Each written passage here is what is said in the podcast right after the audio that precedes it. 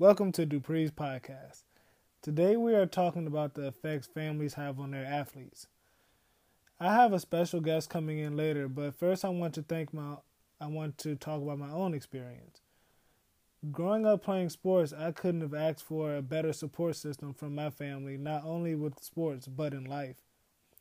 I remember my mother and brother coming to almost every football game, and some of my best games came from them and seeing their faces in the stands. My brother used to love the cheese fries that they served at the game, and he jokes around with me now and says the cheese fries were the only reason he came to watch the games and watch me play. But I know that he was really into the games and cheering me on because we have his voice recorded on some of the videos that I have from old games. I remember my mother and brother coming to almost every game. And it was like once I saw them in the stands, it gave me superpowers. I had some of my best games while they were watching. My performance was so much better just seeing them and, you know, just knowing I had something to play for, someone to play for, and they were like my number one fans. I also felt like my brother was looking up to me and he could learn some things for a hopeful sports career in his future too. I will never forget the time my great grandmother came to my football game and we lost.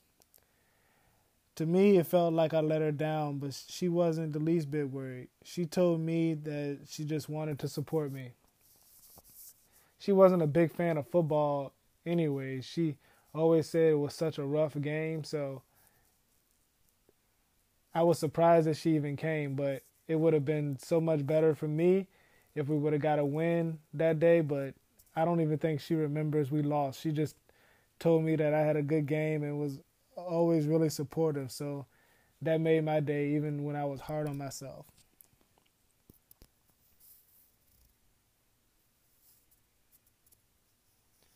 Once I started playing adaptive sports, it required me to travel a lot more for competition. So I've been to places all around the country for different adaptive sports like wheelchair basketball, archery, sitting volleyball, sled hockey, and other sports that I've tried. And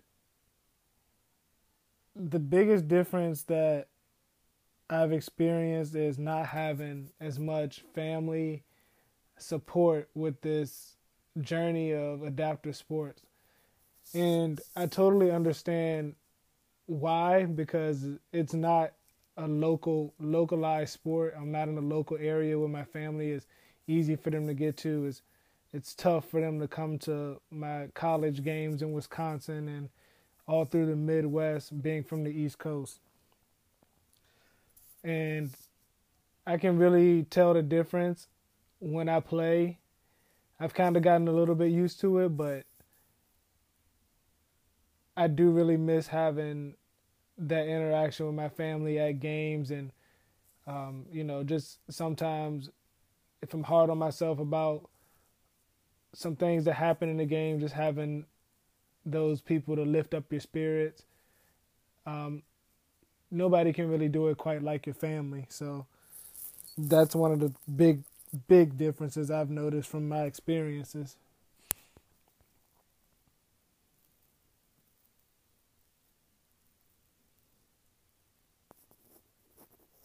But the events that they have came to for wheelchair basketball, um, a sport that I play in college, I've had some of my best games, my most memorable games.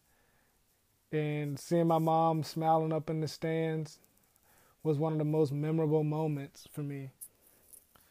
Everything just felt so natural. One thing about my mom, she's always able to give me productive criticism.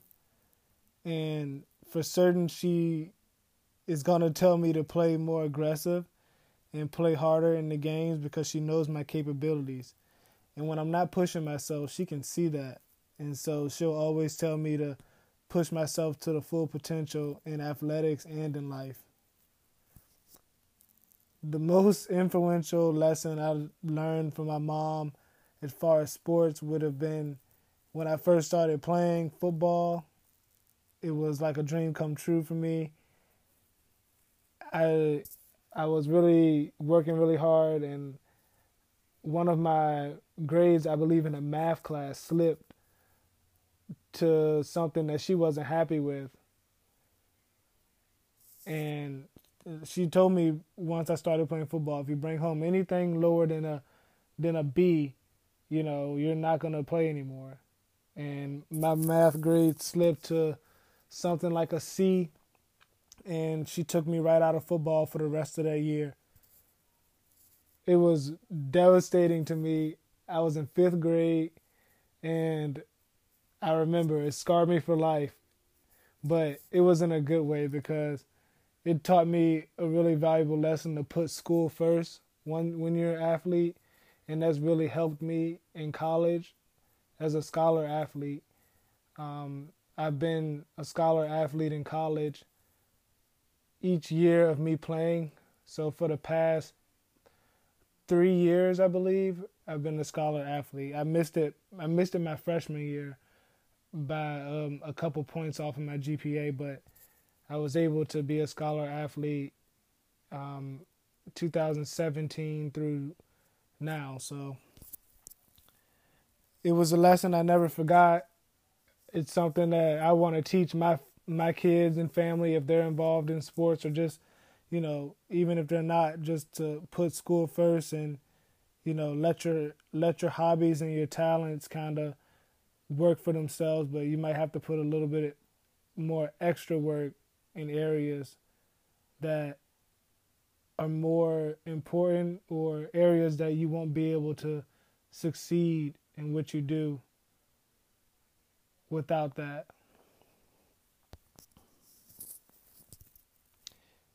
With the current pandemic we've been facing, I know people's worlds have been flipped upside down totally. No one was expecting things to happen like this and this year has been really really peculiar. From an athletic standpoint some athletes may have never thought that they would miss their season not be able to play or you know be even scared to play because they're scared that they could get sick or bring anything home to their families or spread it throughout their teammates. For me, my family being around has been a good coping method during these unexpected circumstances. They've been just telling me to stay thankful and you know things will some somehow some way be back to the way things were when we were playing sports and you know people were living daily life normally. Um, and it may be different but they've just been really helping me keep my head up and telling me that I'm just going to appreciate everything that I that we've missed out on ten times more once it's back. Like football, like school, going to class, seeing my friends, seeing my professors and my coaches and you know, everything that was like just normalized to me is gonna be appreciated in the way that it should for everybody. So they really helped me realize that this year is teaching me a lesson and teaching everyone a lesson to be thankful for the little things. Without my family, I wouldn't be the person I am and I wouldn't be the athlete I am. So I think my family has played a huge part in my successes on and off the court and continue to do that.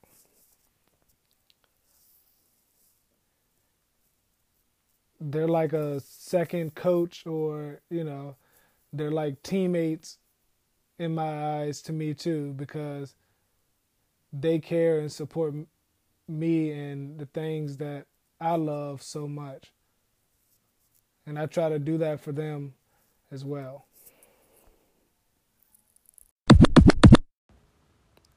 My friend Cassandra is a multi sport athlete specializing in volleyball and women's basketball. Welcome to the show, Cassandra. Hi, Corrales. How are you? I'm doing great. Thank you for your time and thank you for coming on the show. Sure.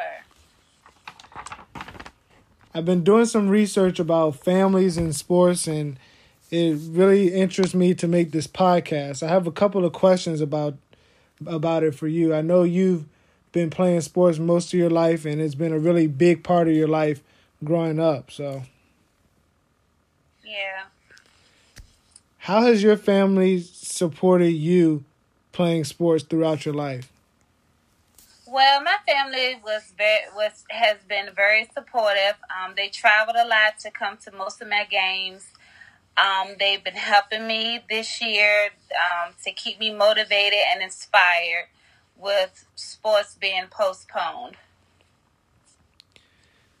Yeah, that's been tough for a lot of people and athletes and sports lovers.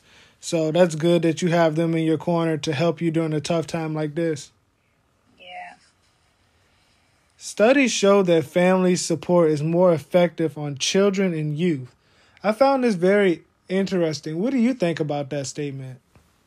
Yeah, Corrales, I totally agree with that because growing up for me, if I didn't have my family and the support that I I had, I just would not be where I am today.